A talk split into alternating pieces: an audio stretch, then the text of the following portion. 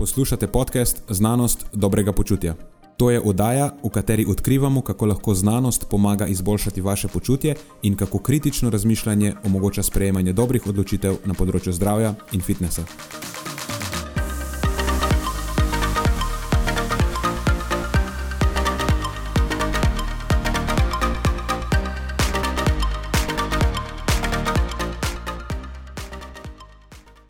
Preden začnemo, pa se moram zahvaliti še našim sponzorjem. Zaenkrat to še vedno ni velika korporacija, temveč zvesti poslušalci, ki nam izkazujete zaupanje in podporo s prijavo v našo člansko skupino Znanost dobrega počutja. Hvala vsem, ki s tem držite luči prižgane in omogočate podkastu, da raste in postaja še bolj kakovosten. Hvala tudi vsem, ki nas podpirate s pozitivnimi komentarji in visokimi ocenami, ter s tem, da priporočate podcast svojim znancem in prijateljem. Zdaj pa je končno čas za začetek epizode. Uživajte ob poslušanju.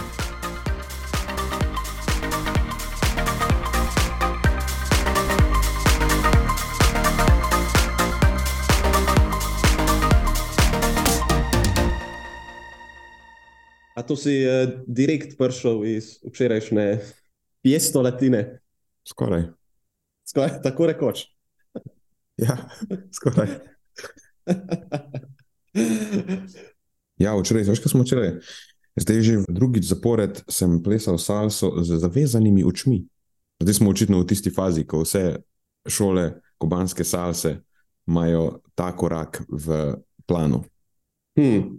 A to je po vzoru karateki, da, da se res, uh, veš, si eden s svojim telesom in začutiš glasbo. Mogoče.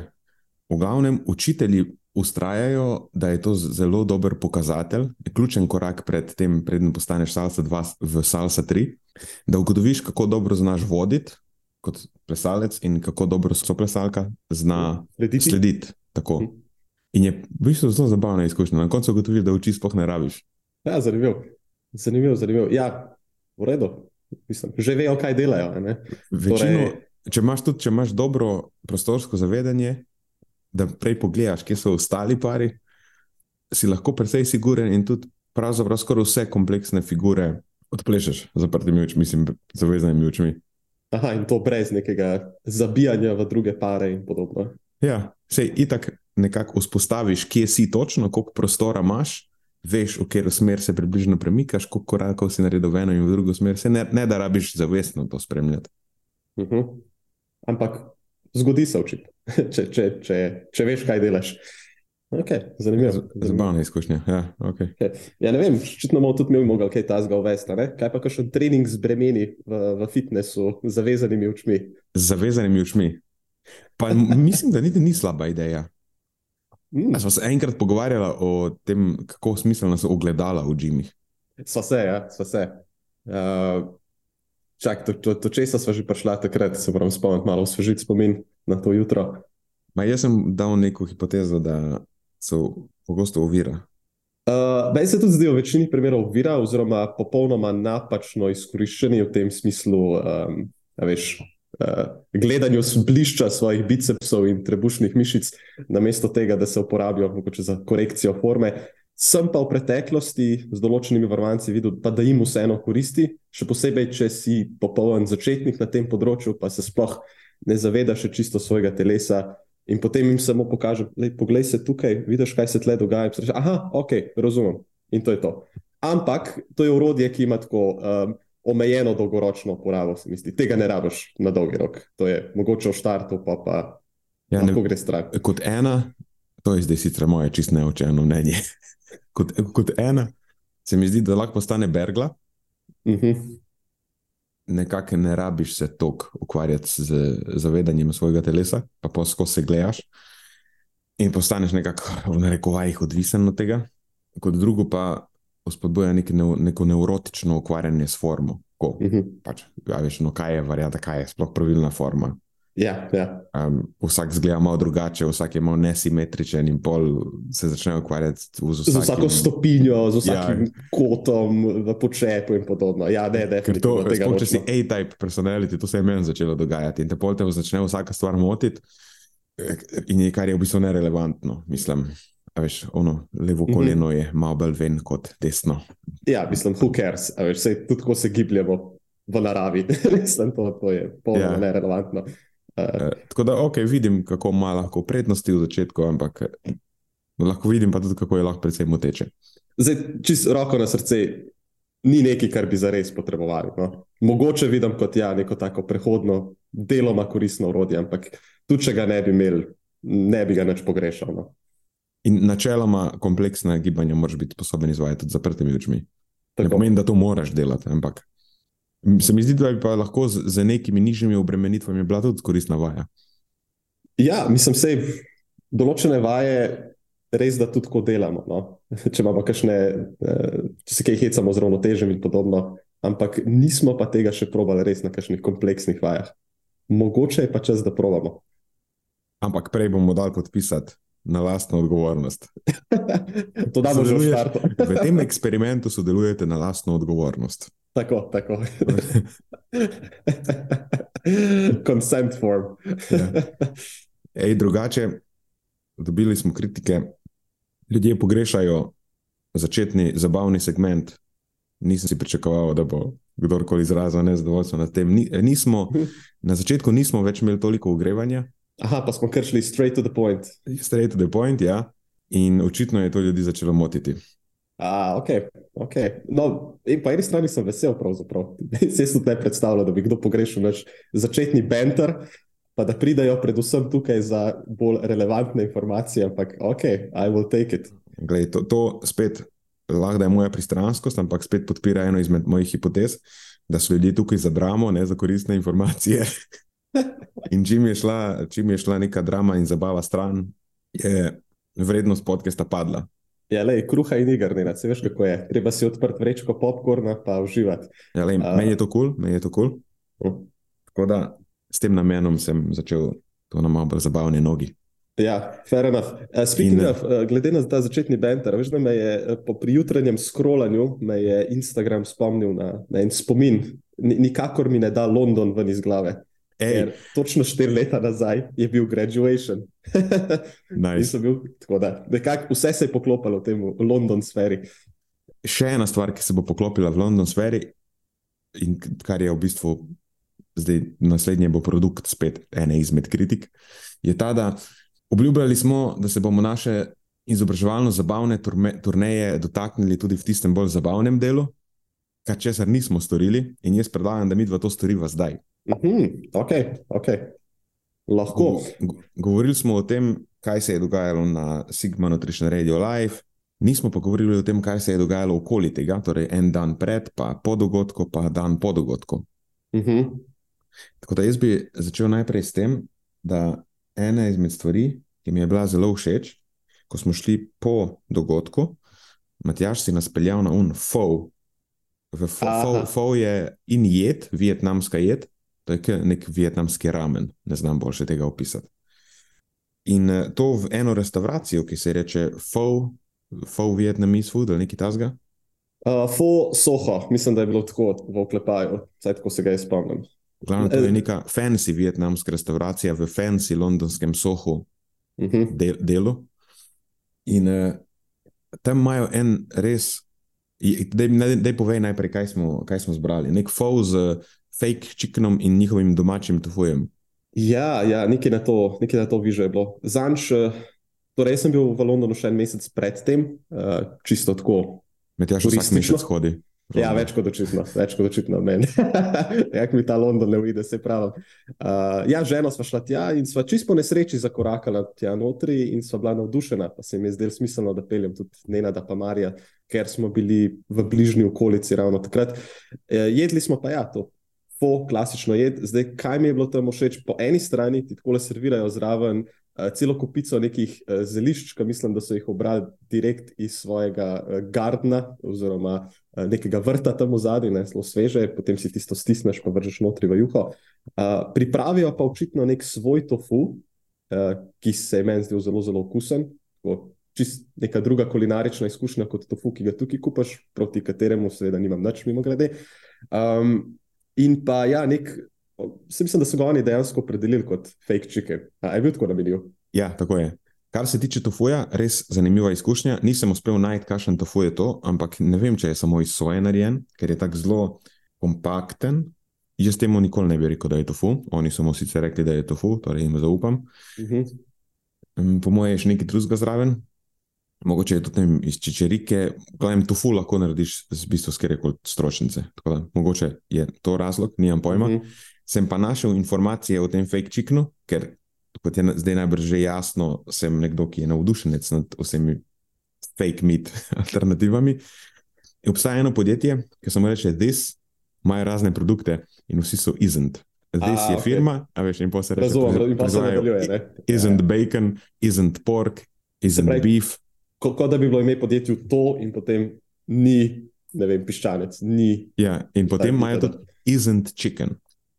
In gre za primer izjemno dobro formuliranega nadomestka. Pred proteini so večinoma sojeni, torej gre za visoko kakovostne beljakovine. Eh, Dodano je železo, v 100 gramih je 4 mg železa, to je več železa kot v govedini. In dodan je vitamin B12, ima 23 gramov beljakovin na 100 gramov, 5 gramov maščob, torej malo več maščob kot Mhm. uh, recimo nek pus piščanec, ki ga poskuša ponarejati, ampak ok, 5 gramov, whatever. Od tega je samo pol grama nasičenih, pa ima 7 gramov vlaknin. Wow, ok.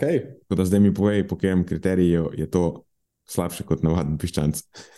Ne, mislim, z- z- zelo dobro formulirano. Pa tudi napram, recimo, običajnemu tofuju, kjer zasledimo kaj, mogoče nekih 13-14 gramov beljakovin na 100 gramov, pa vem, 8, morda celo 10 gramov maščob. To je, o je. piščancu se zdaj pogovarjava, fake piščancu. Ja, ja, ja, se pravi, da mogoče tudi nek razkorak med, veš, med tofujem, klasičnim, tistim prej, ker so se pogovarjali proti te, temu izdelku.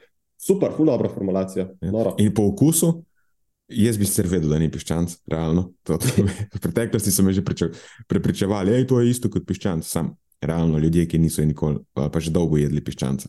Tako da, Ni piščanc. Ni E, piščanc. ti- Jaz pa že dolgo nisem vedel piščanca, pa tudi jaz vem, da ni Ja, piščanc. ni piščanc. Ampak je pa dober. Je pa neka vrsta perutnine, lahko bi me prepričal, da je neka vrsta perutnine, ki je do zdaj še nisem jedel. Ja. Jaz sem se šalil, da ima to okus po mesu dinozavrov, ki jih noben nikdar še ni jedel, veš, ampak so sorodni perutnini, pa pol. Veš, lahko bi bilo to mogoče. Veš kaj, se če bi me vprašal, kakšno sestavo bi imeli dinozavri, pa je nekaj tazga, bi rekel. Edin uh, minus Verjetno. najbrž. Ja, verjetno. Tako da mogoče je to tudi neka smer, v katero lahko se marketing zapelje, Mhm. da je to dinosaur meat. Mm, ok, ok. Ja, zdaj, zadnjič, prvič, ko smo bila takrat, uh, ženo sem sprašval, ne, tist, tistemu, ki nam je stregal, kakšna je sestava, pa mi je opisal nekaj na ten način, ampak ni mi pa seveda predstavil makrotov, logično, se nisem pričakoval, da mi bo. Zdaj, ko imam še ta podatek v mislih, wow, sem kar, sem kar navdušen. Ja, drugač pa stabilizator, ki ga uporabljajo kalcijev, kalcijev sulfat, a ni to tudi vir kalcija v tofuju? Je, ja, je. Tako da verjetno je to tudi vir kalcija, sam ni navedeno na deklaraciji. Hm.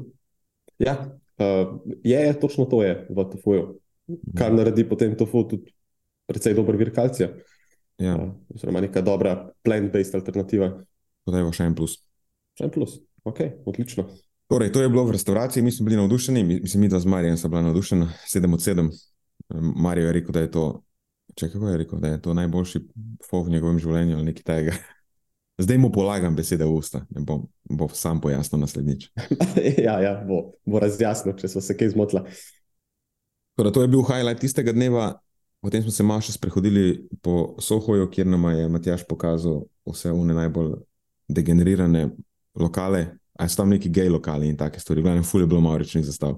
Mm -hmm. Ja, to je kar zabaven predel. To plus uh, Chinatown. Uh, oboje sta tako zelo barvita. Uh, No, jaz sem si, jaz sem si degenerirane, de, degenerirane, degenerirane stvari predvsem zapomnil. Vidim, ja, vidim, to je tisto, kar si ti vzel od tega tripa. Čeprav mislim, da smo še več degeneriranih stvari potem videli naslednji dan, uh, ko smo pa šli Ko smo šli v Camden Camden Town. Town.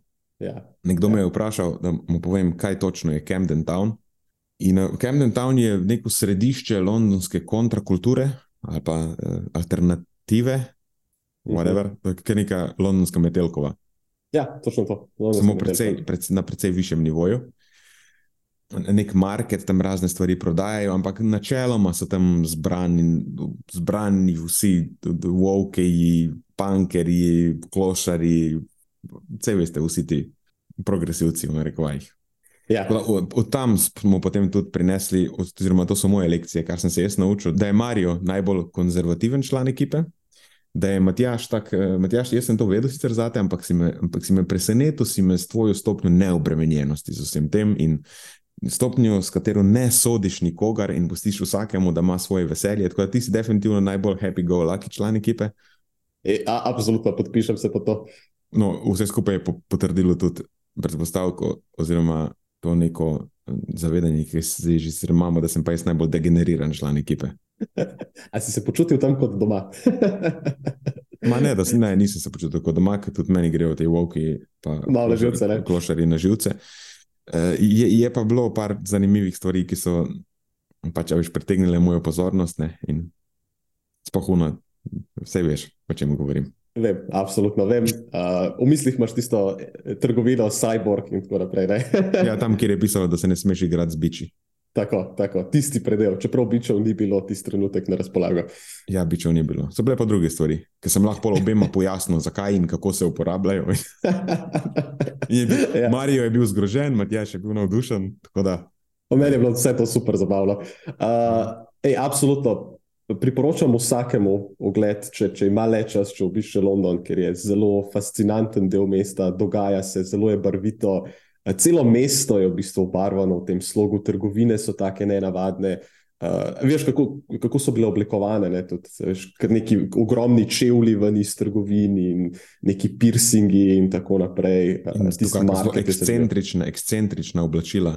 Tako Jaz sem najdel en sud tam, ker sem lobiral, da bi postal nova Filgut uniforma, ampak spet Matjaš, Matjaš je rekel, je tako, ok, zanimivo, tell me more, Mario je bil uno facepalm, pa plizno gremo dalje. Mario se je že kar premikal naprej. ja, on se je že premikal, ni zelo poslušal, kaj vam govorim. Je bila pa tako tak zanimiv, tak zanimiv, uh, zanimiva obleka, z takimi ro, črna, z sivimi, belimi, svetlečimi, rožnimi vzorci in, in, in zlatnino po vratniku. Meni se je zdelo ekstra zanimivo. Ja, meni je spomnil kot neko 18. stoletje, varianta, ampak prenešeno v moderni slog, nek, nek tak hibrid med obojem. Tako, tak neka poš, nobel, ekscentrična uh -huh. zadeva. Ne, meni je bilo zanimivo, da enkrat pridemo na predavanje tako oblečeni.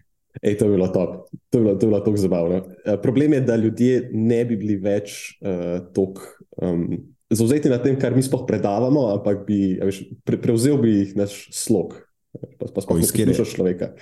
Iz kere risanke so pobegnili. Drugač pa, mislim, da že zdaj je naša uradna uniforma za eh, taka, bolj, uh, ko, smo, ko se pravimo, malo bolj poš obleči, je v bistvu žametni sukniči. Tako da, glede na to, da je moj rdeč, ne vem, če je to tako velik skok v stran. Niti ne, to je tako rekoč uh, lateral move, ne pa skok naprej. ja. In tudi Marijo je v bistvu dlje v to smer, ki njegov je oranžen, oziroma tako uh mhm. -huh. bež, tvoj je črn, tako da tvoj je najbolj vanila. Ja, moj je najbolj vanila. Ja. v glavnem, to je bilo pa potem Camden Town, meni se je zdela izjemno zanimiva izkušnja. Uh, še ena stvar, ki jo lahko poveva, tam imajo neke, nek donut shop, kjer ti skozi donut hmm. vzameš. Ja, to je, to je ratala prava tradicija. Vsakič, ko greva tja, spiko si pač enostavno moramo vzeti en donut. Ne vem, kdaj smo že začela s tem, ampak to je bilo po mojem leta 2018. In vsakič od takrat, ko smo bila tam, smo vzela en donut in se mi je zdel, eh, ne smem prekiniti tradicije. Ne? Ampak res so, eh, res so ogromni, res so tako. Donut je krov, po ja. domače, tako okrog krov, z luknjo vmes. Ampak testo je isto, v glavnem. Tam sem videl najbolj raznovrstno izbiro donutov v svojem življenju. Ja, prišel si do istega vprašanja, ki ga ima, po mojem, prav vsak posameznik. In to je, kako za vraga se ne odločim, kaj bom vzel, ker jih je tako veš, 50 različnih, se ne vem. Ne, neki, ne vem, z, prelit z belo čokolado, pistacijo in malinovim polnilom, ali pa sugar glazed, um, karamelni z nutelo, ne mislim, ne vem. Tako. Ja, ja. Razne, razne, per, razne permutacije, nek, neka, kaj je bil okus rojstnodnevna torta z eh, nekim jagodičnim polnilom, ali pa ja, posud z sprinklesi in polnjen z čokolado. In, ne, mm -hmm. na koncu se ne moreš, težko se odločiš. Ja, ja težko se odločiš. Pa karkoli izbereš, je precej dobro. Pa karkoli izbereš, je tudi ekvivalent kosila ali večerja, ker je zelo, zelo nasilno. To je, to je v, v teha, je pol, da v bistvu karkoli izbere, kar, kar si izbereš, ne moreš zgrešiti. Mhm, točno to. Točno to. Da, jaz bi rekel, da so to nekako najbolj zanimive stvari, kar se tiče zabavnega dela. Uh, ena stvar bi mogoče še lahko izpostavil, in to je nekaj, kar sem vaju opozoril. To je bil pa čist, čist prvi dan, ko smo prišli najprej na Waterloo, torej to je njihovo glavno železniško postajo, pa smo se sprehodili mimo London, uh, Londonaja. In sicer tam smo doživeli uh, eno street performer v, v akciji, ne živo smo ga srečali. Ti so tudi super zabavno. Tam se vedno nahaja ta ekipa, zdaj tokrat je bil solo izvedbi, kdaj pa je cela ekipa teh, uh, teh majstrov. Uh, in imajo Akroba nekaj akrobacije. Akrobati so tako. tako, tako. Super zanimivo za pogled. Zanimivo je, koliko je govoril in kako uh mhm. -huh. malo akrobacije je izvajal. Ja. Skozi je zahteval, da se mu nekaj ploska, pa je tam še imel v neki, niso ploskali, pa dvigovali rok. Pa... ja, ampak fulje je bilo. Ne morem verjeti, koliko pozornosti je v bistvu od nas dobil, glede na to, kaj nam je uh, iz vidika akrobacij dejansko predstavil. Tri stvari je izvedel, realno. Ja, tri stvari je izvedel, res. Ampak, uh, ne vem, zanimivo, to je očitno ta njegova solo izvedel. Takrat, ko ima svojo ekipo prisotno, tisto pa je bistveno manj govorjenja, pa bistveno več akrobacij, ampak ne bi pa rekel, da je veliko bolj zanimivo. Se, se tudi to je bilo zabavno. Ja, nek komedijant je model, očitno tudi, poleg tega, da je akrobat. Ker smo se tri četrt časa se smejali in četrt časa smo gledali njegove akrobacije. Ali pa to razmerje mogoče je bilo še bolj v korist komedije in manj korist akrobacij. On je očitno glavni komik v ekipi. No? To si jaz no, predstavljam. Zdaj. Je pa bilo tisto, kar je izvedel, dosti impresivno. Glede tudi, če ga fenotipsko oceniš, nikoli ne bi rekel, da je akrobat. Ne, ampak je bil pa zelo nimble, ne, uh, zelo tak gibčen. In, uh, ja, tako je malo bolj, rečemo, da je zbit je skupaj, tako malo -hmm. manjši, pa malo širši, ampak model, ker salto naredi. Tako, na nek način je bizarno videti vse skupaj. Res, res. Uh, tako da tisto je bil tudi kar tak zanimiv highlight. Uh, za me je bil še en highlight tega istega dneva, ko smo se sprehodili mimo Big Bena uh, Downton Abbeyja in sicer v St. James Parku, ko je Nenad hranil svoje prijateljice Veverice. Uh, to je bilo tudi super zabavno videti. A ja, točno. Mislim, fusovo domačene. Ja. Če pritegneš njeno pozornost in ji pokažeš, da imaš, like, imam, I have a nut for you, tako, gib. Ker pride na val. Ja, ker pride in tako, veš, primete za prst in, in vzame urešek in pol pobegne. Pol, pol pobegne, ja. ja. Ok. Mislim, mislim, da so se zdaj odolžila s tem, da lahko nadaljujejo na glavne teme. Tako, tako. Jaz imam v bistvu dve, dve stališči, moram. eno moram prilagoditi, eno moram izraziti. Uh mhm. -huh. Ti imaš pa, če se prav spomnim, smo se včeraj pogovarjali o tistem primeru, ko je v enem izmed slovenskih džimov umrl 16-letnik. Tako je, ja, tako. Tra, sicer tragična stvar. Je pa to v enem izmed mojih, ne, ne morem reči domačih džimov, ampak je iz mojega kraja, v Murski soboti. Uh mhm. -huh. In jaz sicer s to situacijo nisem seznanjen. Prejšnji teden me je mama obvestila o tem, da je to zdaj a thing tam. E, nisem bil pa še v tem času doma, tako da e, ne vem, kakšno je trenutno stališče in ozračje okoli tega v mojem domačem kraju in kaj se tam dogaja. Ampak, kar jaz razumem, je nekako zdaj sprejeto, da je bil uh, ta posameznik, da je imel visoko tveganje za nekaj takega, da je, bil, da je bil nek srčni bolnik ali nekaj takega. Tako je. Tako. Uh, ja. Mislim, šlo se je za to, da je nek mlad 16-letni fant med treningom v fitnessu doživel srčno kap in umrl. Uh, In ja, to je seveda tragična situacija, ne bi jo nikoli izkoriščal za kontent in podobno. Videl sem samo par člankov, ki puščajo, po mojem mnenju, napačen vtis v smislu tega, kaj bi bil povod za to situacijo. Pa se mi zdi zato pomembno to postaviti v kontekst, ker sem prepričan, da se bomo slejko prej s tem tudi srečali v praksi, pri delu z drugimi mladimi športniki, ko tudi pridejo mm. njihovi starši upravičeno zraven na posvet uh, in jih seveda skrbi, ne, da se ne bi kaj takega pripetilo tudi njihovim otrokom. Uh, a mogoče kar nadaljujem s to temo, če se že tako leštartala notri. V glavnem, eden izmed takih člankov, ki se mi zdi, da je pušča lahko napačen vtis, je naslovljen prekomerno uživanje proteinskih napitkov povod za srčno kap 16-letnika? Vprašaj. Potem pa sledi še to, odgovarja nutricionistka. Uh, skratka, ja, ta fant je bil res srčni bolnik in med drugim je užival proteinske napitke, pa najrazličnejše energijske dodatke. In zdaj proteini sami po sebi niso problematični, oziroma primeren vnos beljakovin sam po sebi zagotovo ni problematičen. To je ta del postavljanja v kontekst, ki se mi zdi pomemben. To je, to je zdaj spet ona stvar ono, proteini, steroidi, ja. jedo je steroide. Ja. Pač, naj, mislim, ne vemo, če jih je, ampak na, po mojem jih ni. No. Ja. Ja, ampak vemo pa, da proteini niso steroidi. Vse točno to, vse ne vemo čisto točno, kaj je bil povod, ampak lahko pa trdimo, da proteini sami po sebi zagotovo niso problematični. In sem prepričan, da bi znal do to vzeti ven eh, nek napad, napačen vtis iz tega, kako ti izdelki spet niso koristni, oziroma so škodljivi sami po sebi. Ko pa vemo, da beljakovinski napitki za določene situacije, za določene posameznike, še posebej mlade športnike, so zelo, zelo koristno urodje lažjega pokrivanja dnevnih beljakovinskih potreb. No, zdaj pa po drugi strani, recimo energijski napitki, pa seveda so lahko problematični, še posebej, če imaš nekoga, ki ima to neko predispozicijo, je srčni bolnik. V tem primeru pa se res, res ne gre hecati s tem. Um, Jaz sem po eni strani zelo velik fan premišljene uporabe kofeina za športne namene, ampak ključna beseda tukaj je seveda premišljene uporabe in ne brezbrižne. Ker, če, no, to pa vem, to pa vem iz prakse. no, ampak če moramo pričati danes, uh, se mi zdi, da so stvari specifično pri tej populaciji, teh nekih mladostnikov, na nek način malo šle ven iz kontrole. Več zelo razširjena uporaba privorka v dopolnil. Uh, v zelo velikih količinah, pogosto pozno zvečer, ko vemo, kako to vpliva na spanec. Eh, po možnosti v obliki tega tako imenovanega dry skupanja, eh, torej da si vržeš merico pri workout izdelka v usta in potem to zeksaš pod narekovaj, po možnosti skupaj žlico soli. To so zdaj neki videi, ki že dolgo časa krožijo naokoli po Instagramu, po TikToku in podobno.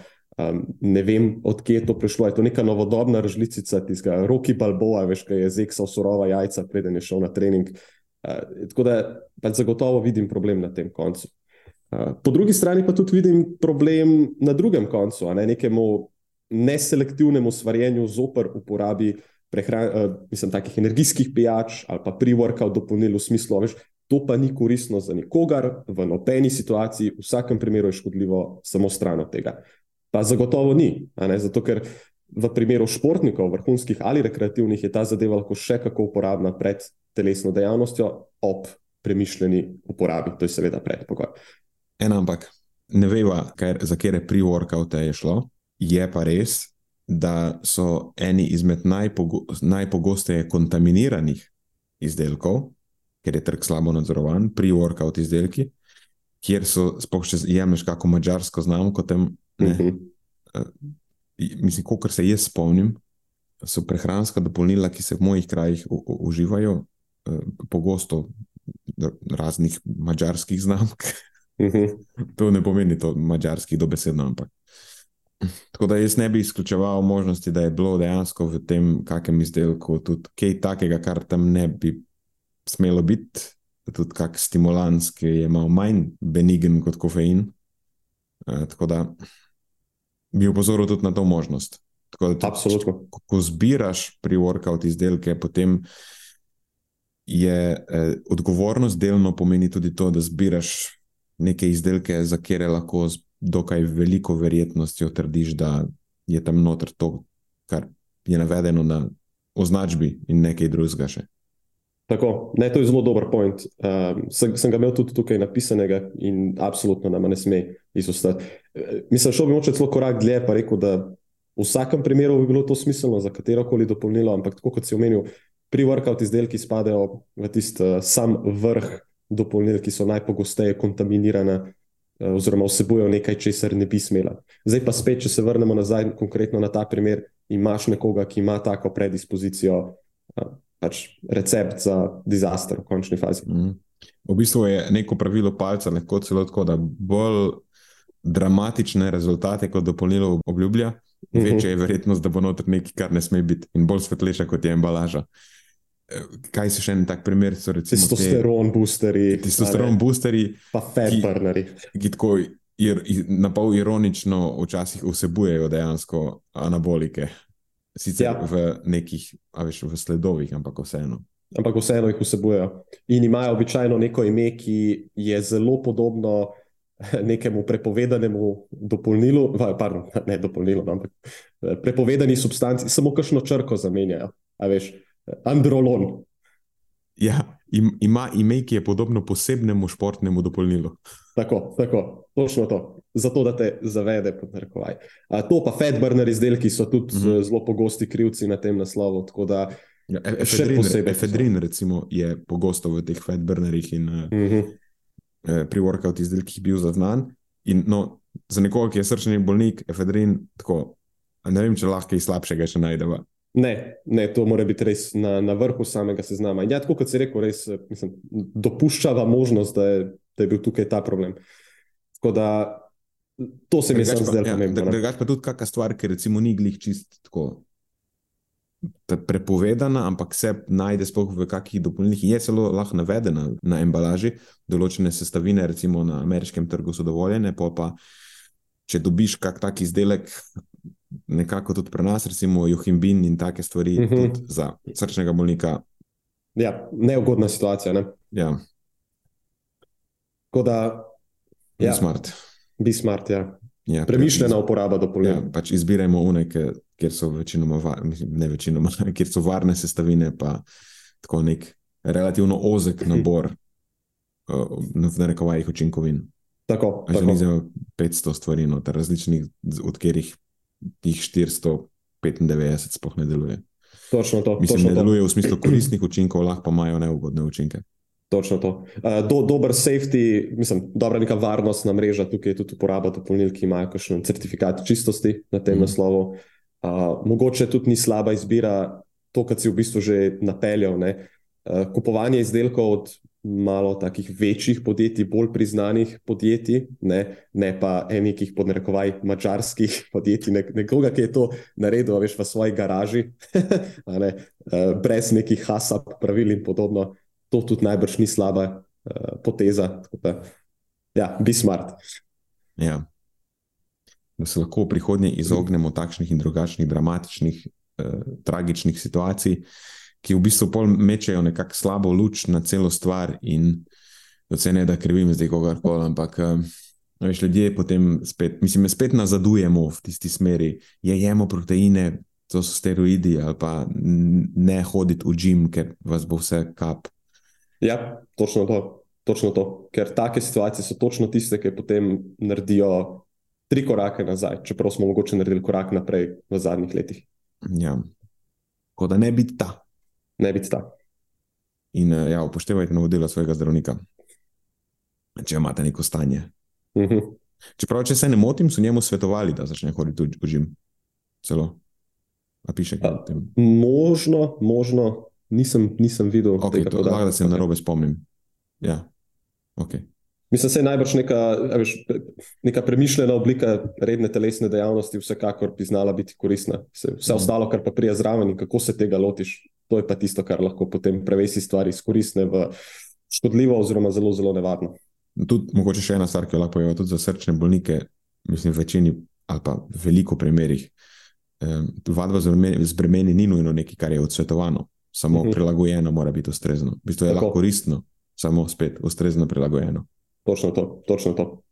Veš, tako da spet ne bi želel, da se ustvarja vtis, da ja, imam neko stanje povezano s srčno-žilnim sistemom, ne smem vaditi z bremeni. V bistvu, glih nasprotno, samo, samo usposobljeno osebo je treba najti. Tako, tako, ki zna to prilagoditi tvoji situaciji in tvojim težavam. Ok, a je še kaj takega, kar na tej točki moramo? Ne, mislim, da smo to temo dobro razdelili. Ja. Dobro, zdaj pa gremo na iščem nekaj, da naredim dramatičen učinek. Prilagoditi moram eno izmed svoj, svojih najbolj trdno zagovarjanih stališč. Aha, ok, ok. Vidim, mislim, da vem, kam pa staco moli. Pogovarjamo nasičene, se. Nasičene maščobe. Spremenil sem svoje stališče v zvezi z nasičenimi maščobami. Ampak ne v tisto smer, kot bi si nekateri predstavljali. Ker sem rekel, spremenil. Ja. Pred kratkim sem tega sicer ne vem, če sem lahko rečemo, da sem prilagodil, ampak vedno več in več dokazov je, da je čim nižji LDL holesterol v večini primerov, tem boljši. Torej, da, da praktično zasledujemo nulo. Tako, čim bližje nuli, kot se uspeš približati, boljše za tebe. Zato imamo zdaj že kar nekaj dokazov. Tudi imamo kar nekaj dokazov, da so trenutni cut-offi, torej trenutne te meje referenčnih vrednosti, najbrž niso postavljene najbolj v skladu z dokazi so previsoke, v bistvu, če govorimo o idealnih vrednostih LDL holesterola, so te najbrž precej nizke, oziroma je smiselno zasledovati čim nižje vrednosti. In potem ne, sem se spošalil, v bistvu, mislim, pošalo, sej vrednosti nič ne moreš doseči. Če uvedeš še tako ugodne prilagoditve tvoje prehrane in življenjskega sloga, in pač ne, nisi na neki eh, farmacevtski intervenciji, um, v bistvu težko prideš daleč pod 1,5. Tako, uh -huh. Ena, mogoče. Koliko je bilo na zadnjič na mojem? 1,2, 1,3, nekaj takega. Ja, mislim, to je nekaj, kar je izvedljivo. Eh, kaj, kaj precej niže, pa verjetno brez neke far farmakološke intervencije ne moreš. Ampak imamo pa zdaj dokaze tudi na ljudeh, ki pa uporabljajo neko farmakološko intervencijo, torej zdravila za zniževanje holesterola v krvi, ki pa so dosegli 0,5 mmol na liter LDL holesterola in tam še zmeraj se poznajo ugodni učinki. Tako da, kjerkoli nekomu znižaš LDL holesterol, zaznaš signifikantno znižanje v tveganju. Mimo grede, brez neugodnih učinkov. In to, to je bila, zdaj pred kratkim je bila tudi ob, uh, objavljena ta analiza Fourier-Olej, to so Gaba in sodelavci, to je čist pred kratkim v Circulation je bilo objavljeno, kjer so pokazali v bistvu monotonično razmerje med znižanjem LDL holesterolom in znižanjem tveganjem za srčno-žilne zaplete do teh zelo nizkih uh, ravni LDL holesterola, to je pod 20 mg na deciliter, kar je, ne, če se ne motim, je to nič cela pet okoli, to nekje milimola na liter, zelo nizko. In ob tem niso zaznali nobenega povečanega tveganja za neželene izide, ni, ni za raka, ni za diabetes, neurokognitivna stanja, razne z mišicami povezana stanja, ni vplivalo na funkcionalnost mišic, eh, ni bilo povezano z nobeno od smrti iz ostalih nekardiovaskularnih vzrokov. Tako da, še nizek LDL holesterol ni, eh, če je dosežen z neko intervencijo farmakološko ali pa z prilagoditvami življenjskega sloga, če ni posledica kroničnih stanj, za katera vemo, da so povezana z nizkim LDL holesterolom, potem nizek LDL holesterol ni. Sam po sebi ni škodljiv, no. lahko je pa nizek kot posledica nekega resnega kroničnega stanja. Um, tako da v literaturi, literaturi, vedno, ko je LDL holesterol nizek, povezan z neugodnimi izidi, je to ni zaradi LDL holesterola, ampak zaradi tistega, kako je underlying po slovensko, podležečega kroničnega stanja, ne, ki obstaja, ki je krivo tako za neugoden izid, kot za LDL holesterol. Zaenkrat pač vse zelo dosledno kaže v smeri, da nižji LDL holesterol kot imaš, boljše je. In zaenkrat je najnižja pokazana raven eh, 0,5. Jaz se lahko šalim, da je, bi bilo 0 najboljše, ampak 0 je pač neizvedljivo. Tako že 0,5 je super nizko. Ja, je super nizko. Ja. E, še posebej, če mislim, Kdorkoli se je šel dal testirati, naredil krvno analizo za lipidogram, ve, da to so to zelo nizke številke. Drugač pa, veš, tudi mehanistično vemo, da nizek LDL holesterol, tako pač niti nimamo nekega, neke mehanistične razlage, zakaj bi lahko neugodno vplival, ker funkcija LDL holesterola je, da vrača pač holesterol v jedra. Ko višek iz celice vrača v jedra. To je zdaj tako zelo karikirana razlaga, ampak Kaj, če je to nizko, je ponavadi nizko. Kaj, zakaj je potem to slabo? Ja, zakaj je potem to slabo? Ja. Um, tudi ni, ni mehanistično, nekako nima smisla sklepati, da bi lahko to bilo povezano z neugodnimi izidi. Je pa to, ampak to je zdaj že čez, čez druga stvar, mogoče za neko drugo debato. Ta, ta vloga LDL holesterola, pa HDL holesterola, oziroma bolj natančno delcev, LDL delcev, pa HDL delcev, je tako, še zmeraj nerazumljena vidim, da včasih celo kak kardiolog ima še zmeraj neka čudna prepričanja o tem, kako je. Tako. Ja, tako, tako. In potem, da ni problem, če je LDL malce povišen, če je HDL dovolj visok in tralala. Ja, no. tako, ko se govori dober, pa slab holesterol. Mislim, mhm. holesterol mm. je holesterol v enem in v drugem delcu. In, in je v bistvu samo nek proxy marker za število delcev. Tako da v bistvu spoh ni, ampak zdaj ste se zapletali. Ampak tako, ni problem holesterol sam po sebi, ampak so problem mm -hmm. delci. Samo holesterol v LDL delcih je zelo pogosto, načeloma je zelo dober marker števila delcev. Mm -hmm. LDL delci so tisti, ki so heterogeni. In če imaš visok uh, eh, LDL holesterol, torej holesterol v LDL delcih, potem je po vsej verjetnosti tvoje tveganje visoko. Ampak ne pomeni pa nujno. Ne? Ne, lahko imaš relativno nizek LDL holesterol, pa imaš še vedno povečano število LDL delcev. Ponavadi je smiselno tudi A po B izmeriti, ker ima vsak LDL delec eno molekulo A po B, -a, eh, oziroma vsi ne HDL delci, oziroma večina njih ima eno molekulo A po B. In potem, če zmeriš A po B, praktično zmeriš število delcev in je to bistveno boljši marker tveganja, sam ker to pri nas ne vem, kako pogosto se izvaja. Um, drugač pa je tudi HDL holesterol lahko nek pur men's marker A po B, ker če imaš nizek HDL holesterol, je to um, precej dobro sovpada s tem, da imaš najbrž po, povečano, število, povečano število LDL delcev. In, in to je en razlog, zakaj se je nekoč vzpostavila ta povezava, da je visok HDL holesterol zaščiten. HDL holesterol ni zaščiten, samo če imaš visok, relativno ali pa normalen HDL holesterol, je manjša verjetnost, da imaš povečano število LDL delcev, oziroma pač ne HDL delcev. Tako, to sem zdaj sicer ful, ful, to je ful karikirano rečeno, lipidologija je zelo kompleksna stvar.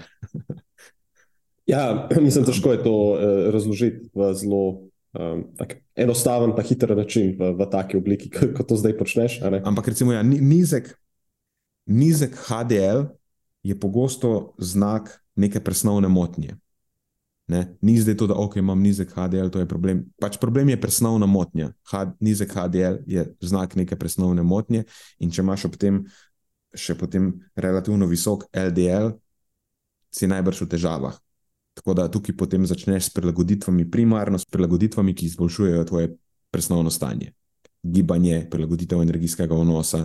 Mislim, v končni fazi tudi znižanje vnosa nasičenih maščob, ker je previsok vnos nasičenih maščob povezan tudi z neugodnim presnovnim profilom.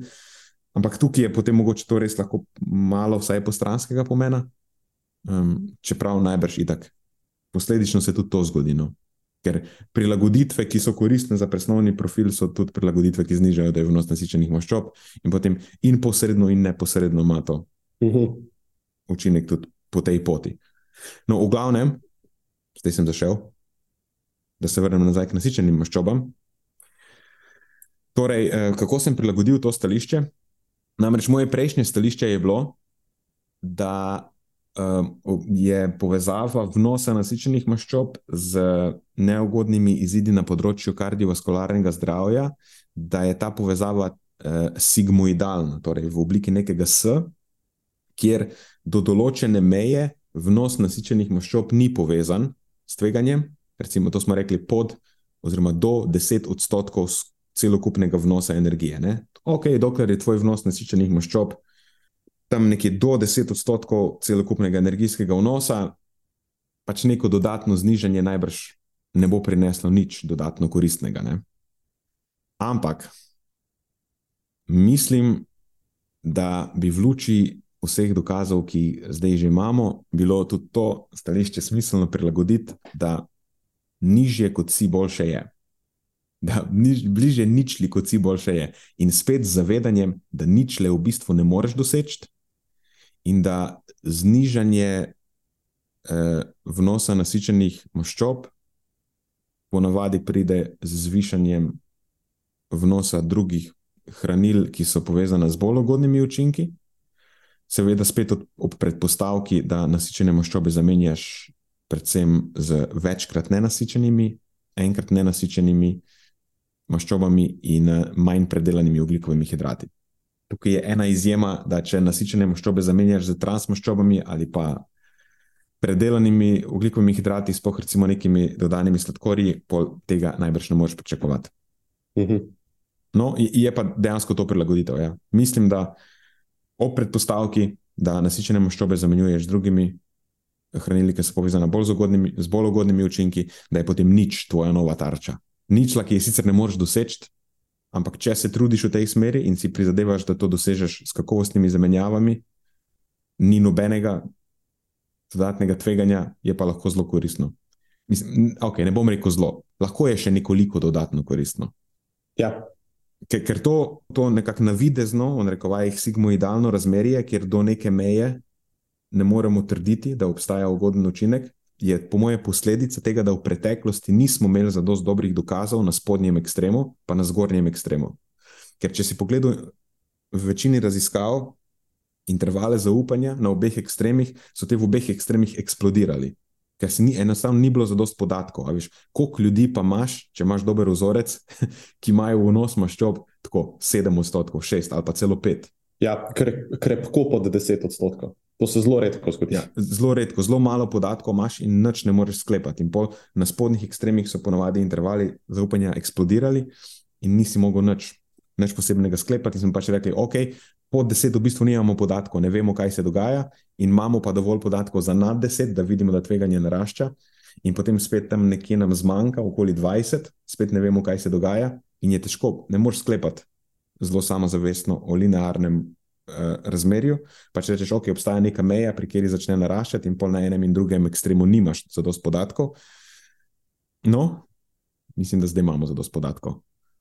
Obstaja en tematičen pregled od Mensinga, ampak tam obstaja ena eh, regresijska analiza, in v tej regresijski analizi lahko najdeš primer najbrž najbolj tesne linearne odvisnosti v vsej prehranski znanosti. In to je odvisnost dejanske spremembe v LDL holesterolu, od spremembe v LDL holesterolu, ki jo lahko poveš na podlagi nadomeščanja enega odstotka nasičenih maščob, bodi si z enim odstotkom večkrat nenasičenih, enim odstotkom enkrat nenasičenih maščob ali pa manj predelanih ugljikovih hidratov. Eh, članek je Effects of Saturated Fatty Acids on Serum Lipids and Lipoproteins, a Systematic Review and Regression Analysis. To je Mensing in sodelavci 2016, jaz ti moram pokazati, to ti moram pokazati. Če bom odprl, imam članek odprt, ga bom dodal, ga bom za Patreone v objavo, tebi ga bom pa zdaj pokazal. Mm, sneak peek. Ker je tako, spoh ne rabiš črte vmes potegniti, ker so vse, vse točke so na črti. ja, okay. Pred sabo vidim nekaj, kar dejansko ne potrebuje črte, ker vsak bi temu rekel čista linearna odvisnost. Ja. Tako da, dragi Patreon podporniki, čaka vas poslastica, linearna poslastica. Ravna črta. Dejansko na podlagi spremembe v vnosu nasičenih maščob, večkrat nenasičenih, enkrat nenasičenih ali pa oglikovih hidratov, lahko s precej veliko gotovostjo napoveš spremembo v LDL holesterolu. In, in to je recimo regresijski model. Ta regresijski model vključuje 165 eksperimentalnih diet iz 69 zelo tesno nadzorovanih, randomiziranih kliničnih raziskav. Jaz realno nisem vedel, da spoh toliko jih obstaja na tem področju. In večina, pazite, od teh je navskrižna zasnova. Us, mislim, da vse razen dveh. Uh mhm. -huh. Boš eh, razložil, kaj navskrižna zasnova pomeni? Ja, navskrižna zasnova pomeni, ko o, vsi udeleženci grejo skozi vse intervencije. Ne? In zdaj, pazi, še to ti lahko pokažem v dokumentu. Stopnja rigoroznosti, ki je tukaj prisotna. In tudi vidiš, kaj vse so preverjali. Recimo, vidiš, da vidiš, so vključene raziskave, vse tako randomized, crossover design with three interventions, randomized crossover design with four interventions, three interventions, two interventions. In tudi zelo natančno je navedeno, kaj, kaj, so, dejansko, kaj so dejansko primerjali. Tako na decimalko natančni so odstotki maščobnih kislin v intervencijskih dietah. Vidiš, da recimo v tej so primerjali 6,7 eh, pa 9,8 odstotkov, tukaj so primerjali 19,1 s 3,3 pa 4,3 veš, spet v tej 3,8, mhm. 6,4. Tako da vidiš, da je kupenih intervencijskih raziskav zelo tesno nadzorovanih kjer so primerjali tudi zelo nizke vnose nasičenih maščob. Ja, pazi to 3,8. Ja, Wow. wow. 2,7. okay. Tukaj recimo, imaš pa vmes tudi uh, velike kontraste, recimo 23 pa 11. Ne? A pa tukaj imaš kontrast od 8,7 preko 5,2, 3,3 do 2,3 v najnižjem vnosu. A pa tukaj recimo je primerjam 9,6 pa 4,8, tukaj sicer umestna manjka. Tukaj imaš recimo umestno iz 9,2 do 9,7, pa je vmes še 14,4. Tako da lahko tudi nekako primerjaš, kaj se do, dogaja do 10 odstotkov. In kaj bliže 20 odstotkom? Ja, potem imaš primerjave, ki recimo prilagajajo samo delež nenasičenih maščob, a vidiš, ob konstantnem vnosu nasičenih maščob. Tukaj imaš recimo pa cel kontrast od 18,8 preko 9,4 do 1,8 odstotka nasičenih maščob, oziroma 1,6. Okay, to, je, to je pa zelo velik razpon. In potem v tej recimo imaš, kaj se dogaja pod 10 odstotki, od 8,6 preko 3 do 2,6 do, do, pa 2,4. Ja, tako da v bistvu imaš primerjave na vseh različnih koncih. V- vse imaš visoko, pokrito, znotraj tako. nizkega, znotraj visokega razpona, vse. Ja. In, in zanimivo je, kdaj je večina teh raziskav potekala. Večina je precej sta, starejših, je nekako zakopanih, pozabljenih, ki jih je Mensing pol privlekel na plano. Ampak zanimivo, to so starejše raziskave. Um, takrat se je več teh intervencijskih raziskav izvajalo v tesno nadzorovanih pogojih. Dan je to precej tako nekako neka pozabljena praksa. Ampak Zelo niso pa samo stare, a vidiš, ker tukaj se pa začnejo po letu 2000, 2002, 2001, 2003. Mislim, polovica jih je po letu 2000, tako da niso samo neke stare. Pa bi rekel, da. Mislim, itak ne moreš uporabiti tega argumenta, da so slabe, ker so stare, ker niso, ker so pogosto starejše klasične raziskave boljše nadzorovane kot sodobne. Seveda. Vse te raziskave ni- niso mleko, ne? nimajo Tako, date. recimo, da imaš polovico starih in zdaj imaš tudi polovico novejših. Pomeni, da imaš še kup enih novih podatkov. Ne? Na podlagi starih smo sicer nekako malo sklepali o tem, ampak ni bilo zadost podatkov, a zdaj pa v zadnjih 10-20 letih imaš tudi kup. Recimo, tudi, se tudi če med novimi pogledaš, vidiš, kakšni so kontrasti. Recimo, ne? Tukaj imaš od, eh, spet, od 28,9 odstotka preko Ojoj. 13,7 do 5,7 odstotka. No, v tej skupini 28,9 si ne bi želel biti. ja. Pol imaš tudi, recimo, novo iz 2006, vidiš, ki pod desetimi odstotki primerja. Od 7,3 preko 6,8, 6,5, 5,8 do 4,9. Pazi, to je randomized crossover design with five interventions. Mhm. Ne, to, to, se, to, se, mislim, to so zelo dobro formulirane in očitno tesno nadzorovane raziskave. Ja. Ne, bo- ne bi mogel čitati neko šlampast. Tukaj, zdaj na tej točki, a veš, zaenkrat se dokazi vse bolj in bolj skladajo v tej smeri, da je vsta, vsak odstotek nižjega vnosa nasičenih maščob povezan tudi z nižjimi ravnmi LDL holesterola. Je pa ena stvar, na katero velja opozoriti, da literatura to pa kaže, da znižanje vnosa nasičenih maščob ne vodi vedno, a veš, čist pri vseh posameznikih, v enako znižanje LDL holesterola. Stvar je delno odvisna od nečesa, kar v narekovajih lahko rečemo, je občutljivost na vnos nasičenih maščob. Ampak v večini primerov in pri zdravih ljudeh govorimo o stopnji znižanja. Torej, s kakšno velikostjo učinka, spet v narekovajih, je vnos nasičenih maščob povezan z LDL holesterolom. Ker nače, načeloma pri zdravih ljudeh vedno pričakujemo znižanje LDL holesterola, če znižamo vnos nasičenih maščob. Zdaj obstajajo pa tudi, spet ne morem drugače reči kot v narekovajih, paradoksalni primeri, in na to smo nekako namignili prej, ko sem govoril o LD, HDL pa LDL eh, delcih, da včasih znižen vnos nasičenih maščob daje čudne, rezultat, čudne rezultate, oziroma nima pričakovanega vpliva na LDL holesterol, in lahko s precej veliko gotovostjo predvidevamo, da ne, na podlagi tega, kar vemo o presnovi lipoproteinov in LDL holesterola, da je to vedno pri posameznikih, ki imajo neko uh, underlying podležeče presnovno stanje ali pa že celo presnovni sindrom. So posamezniki z že okrnjenim presnovnim zdravjem, in pri teh so meritve holesterola doskrat diskordantne s številom delcev v obtoku. In ne boš zaznal učinka, če meriš holesterol.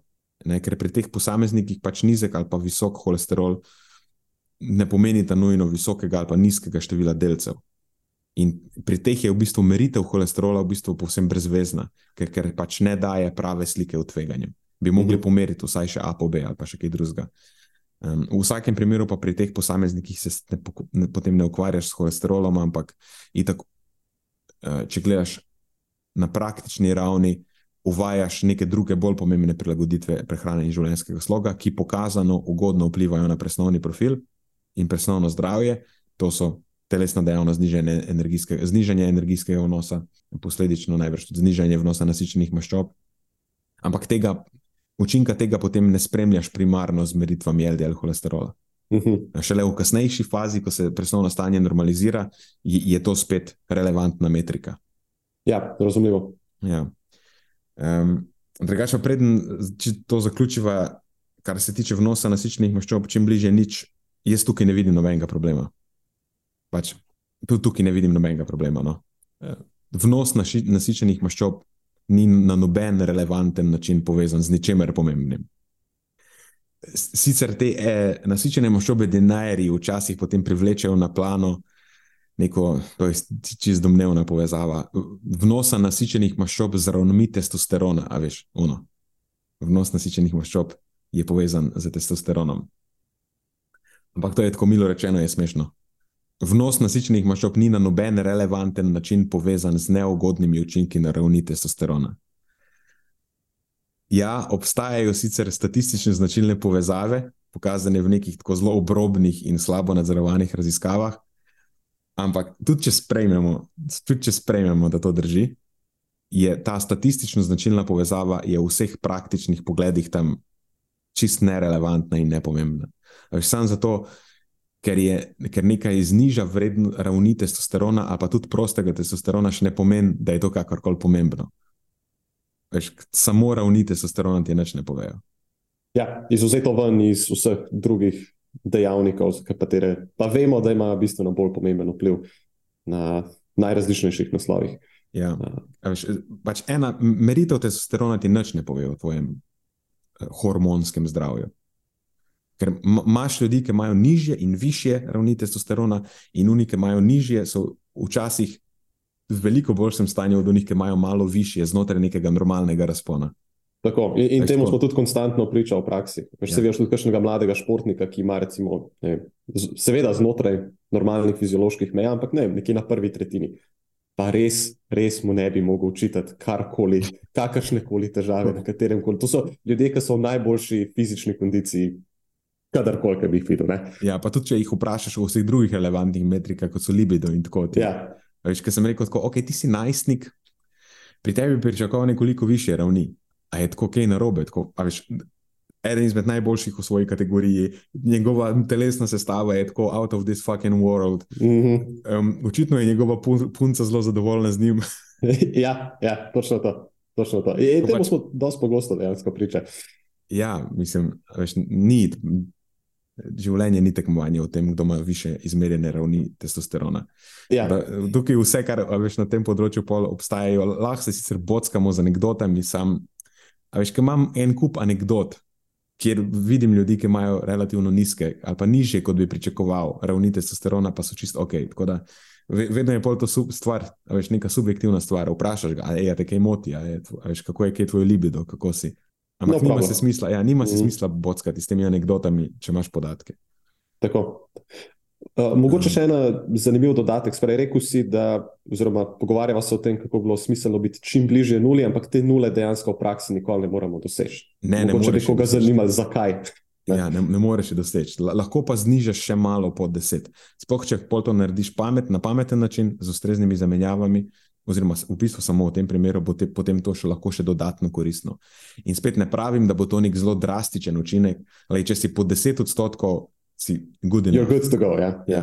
Zdaj pa, če pa ma, opažaš, da so tvoje ravni LDL holesterola visoke in si načeloma zdrav in bi pričakoval, da imaš nizke, ajš potem pa tudi. Vnos nasičenih maščob je nekaj, kar, kar lahko še probiš dodatno prilagoditi, oziroma v vsakem primeru, ne spet. Če predvidevamo, da jih boš nadomestil z večkrat nenasičenimi, pa enkrat nenasičenimi, pa manj predelanimi oglikovimi hidrati, oziroma če boš vire nasičenih maščob načeloma zamenjeval s kakovostnimi zamenjavami, lahko pričakujemo samo ugodne učinke. Tako. In zdaj, ena stvar, ki mogoče v tej zgodbi še manjka, ne, ker, ker ni direktne povezave. Ni, ni direktne povezave med vnosom nižjim od 10 odstotkov z končnimi izidi. Ampak je tako, da veš, če imamo vnos nasičenih maščob, ki je linearno v intervencijskih, tesno nadzorovanih raziskavah povezan z ravnim LDL holesterola. In po drugi strani imamo dokaze, spet iz zelo tesno nadzorovanih raziskav z različnimi intervencijami, ki kažejo, da vsakič, ko dosežeš znižanje LDL holesterola, načeloma tudi znižaš tveganje. V večini primerov, ko ne, meritve LDL holesterola in LDL delcev niso diskordantne, če znižaš LDL holesterol, je niže tveganje. In zdaj, če imaš A povezan z B linearno in B povezan s C na enak način, zelo tesno linearno, potem lahko utemeljeno predvidevaš, da je tudi A in C linearno povezan na podoben način. E, in če še posebno lahko to delaš takrat, če nimaš za to nobenih protidokazov, in pa če imaš kar nekaj dokazov, e, ki z veliko mero gotovosti no, podpirajo to domnevo. Zaenkrat lahko rečeš, da je to sicer samo domneva, ampak jaz bi rekel, da je precej dobro utemeljena domneva. Ja, fair enough. Ja, tako da dodatno znižanje vnosa nasičenih maščob bo koristno tudi pod 10 odstotkov, če jih nadomestiš z kakovostnimi viri večkrat nenasičenih maščob, ali pa enkrat nenasičenih maščob, ali pa kakovostnih ugljikovih hidratov, polnovrednih žit, stročnic, sadja in zelenjava. Vemo, o čem govorimo. Ja. In učinek bo največji, to je še ena stvar, ki je v unimencenkovi analizi pokazana. Učinek bo največji, če jih nadomestiš z večkrat nenasičenimi maščobnimi kislinami, podoben, malo manjši, ampak ne vem, če sploh lahko rečem, da bo manjši, če z enkrat nenasičenimi maščobami iz rastlinskih virov, predvsem. In pa za manj predelane ugljikove hidrate je učinek nekoliko manjši, ampak uh, tudi precejšen. Mhm. Ne moreš pa pričakovati ugodnega učinka, če jih nadomeščaš s predelanimi ugljikovimi hidrati, eh, sploh unimi, kjer je vir ugljikovih, sploh unimi živili, kjer je vir ugljikovih hidratov, so dodani sladkorji, eh, prosti sladkorji. Um, a veš, in pa tako, z nekimi živili, ki pol so bodi si predelana živila, ali pa tako naprej. Ja. Se to je zelo pomembno izpostaviti, mi, mi je zelo všeč, da si tudi večkrat to podaril. E, zamenjavaš čim, Ne, ker to je nekaj, kar pogosto izostane v tej uh, debati prehrane. Ja. Ja. Ok, zdaj pa še čisto na, na hitro zadnja stvar, ki me vsakič tako. Ne morem, ne morem, pa se vem, da ljudje niso racionalni. Ampak tako, Jezus Krist. Na Twitterju včeraj sem videl, mislim, e, veš, neki so kar, karnivori, pa low cariberi, sploh so v tej smer nageni. Ker reče tako, ja, soja, ok, v redu, sicer so kakovostne beljakovine, ampak ni me prepričala, a veš, kao. Ne vem, če je zares varna. Tako, what the fuck. Kaj to sploh pomeni? kaj to sploh pomeni? Ja. Kao ne bom vključil, ne bom užival več soje ali pa sojnih beljakovin, ker me dokazi niso prepričali. Mislim, kaj točno te ni prepričalo in kaj potem zbiraš na mesto soje? Ker če je tvoja izbira na mesto soje, potem višji vnos beljakovin živalskega izvora, še posebej, če je to meso, tako je pač konkretno je en, mislim, da je bil nek low carber, ki je, eh, gre za konverzacijo iz Twitterja, se nima veze. Predvidevam, da je njegov vnos mesa potem višji na ta račun. Ne? Da ne bo nadomestil zdaj svojega mesa s sojo, ker ne vem, kaj soja lahko naredi. Ne? Ampak, veš, če, če, je, če je potem tvoja izbira na mesto soje vnos mesa, pač pol te moram res obvestiti, da je tvoj zaključek stra, strašno neracionalen. Ker za višji vnos soje ne obstajajo absolutno nobeni dokazi, da bi bilo to škodljivo. In imamo tudi podatke za precej visok vnos soje. Za višji vnos mesa, um, če ne celo v bistvu živalskih beljakovin na splošno, obstaja kar nekaj dokazov, da to ni glih najbolj idealno. Mogoče ne moramo reči, da je v vsakem primeru škodljivo, ampak ni glih idealno, pri zelo visokih vnosih pa najbrž bi celo lahko rekla, da je škodljivo. In potem imaš v praktično vseh raziskavah, ki raziskujejo zamenjavo beljakovin živalskega izvora, z beljakovinami iz soje konkretno se ta iz, povezava izkaže za koristno. Tako da, da mi zdaj pojasni, kje točno zdaj tukaj leži tvoj pomislek, razen nekega čustvenega sklepanja. Ker res me zanima, kaj še rabiš na tej točki, da te prepriča, da je vsaj del beljakovin živalskega izvora smiselno nadomestiti z beljakovinami soje. Ker kot prvo, ni nobene, niti najmanjše relevantne indikacije, da bi bil visok vnos sojenih beljakovin kakorkoli neugoden, prej nasprotno. Višji, mislim, višji vnos soje je v najslabšem primeru neutralen, v večini primerov se kaže kot ugoden. Kot drugo, imaš cel kup dokazov, ki kažejo, da je vnos mesa, eh, mogoče tudi temu jajca lahko priključiš zraven, že pri neki relativno nizki absolutni količini povezan z manj ugodnimi izidi. Zdaj, koliko neugodni so stvar, je stvar debate, ampak načeloma so manj ugodni. In kot tri, v praktično vseh raziskavah, ki preučujejo zamenjavo beljakovin živalskega izvora s sojenimi beljakovinami, so izidi boljši, ko soja nadomešča živila živalskega izvora. Da, kaj točno še rabiš, da te soja prepriča? Uh, Nažalost, ne več dokazov, ker več kot to jih pač ne potrebujemo na tej točki. Se veš, to, to se gre pač za neke za neke ja, čustveno obarvane poglede na te stvari. Uh, soja je pač skozi čas dobila nek tak uh, slab sloves iz nekega razloga. Upam, da bodo to vrstni podcasti uspeli ublažiti ta udarec. Um, veš, podobno kot proteini, varianta. Veš, yeah. Ja. Ne bom jih jedel, ker podnarakvaj umetno, ker so v njih v polkantah itd., itd. Ampak v končni fazi vemo, da se gre samo za um, samo za več nek čustveno prepojen. Ja, itak, da je čustveno, ker, ker vsakič, vsakič, ko vidim ta argument, je to ali je nek uh, low carb zdravnik, ali je nek biohacker, ali je nek, pač nekdo, ki ima tako na pol romantično razmerje z mesom. Veš, Nikoli ni nek, nekdo, ki je znan po tem, da zelo rad racionalno sklepa. Veš, kaj je to še zelo pogosto videti? Se mogoče je to samo moj pogled na to, ampak predvsej v svetu borilnih športov in tam me pa to še posebej fascinira, ker vsi ti borilni športi načeloma izvirajo iz vzhoda in vemo, da ravno te populacije so pa tiste, ki načeloma ravno teh izdelkov največ tudi uživajo. In me je zanimivo, da preslikamo ene stvari, ki, veš, ki so nam všeč, pa nam ljube, veš, ta neka fajterska mentaliteta itd. itd. Kaj pa je potem narobe s tistimi izdelki, ki jih ti posamezniki, ki so ja, začeli ta moment, kaj pa je zdaj narobe s temi? Uh, tako, ne vem, ne navadno mi je ta diskrepanca med obojem. Ja, koliko soje je pojedel Bruce Lee? To je to, te, tema, tema za naslednji podcast. Ali bi bil Bruce Lee še živ, če bi jedel več soje in pil manj detoks smutijev?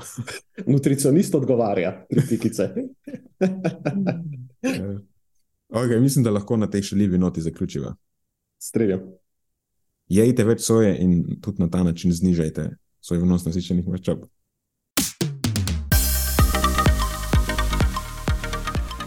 To je za tokrat vse iz naše strani. Hvala, ker ste poslušali do konca.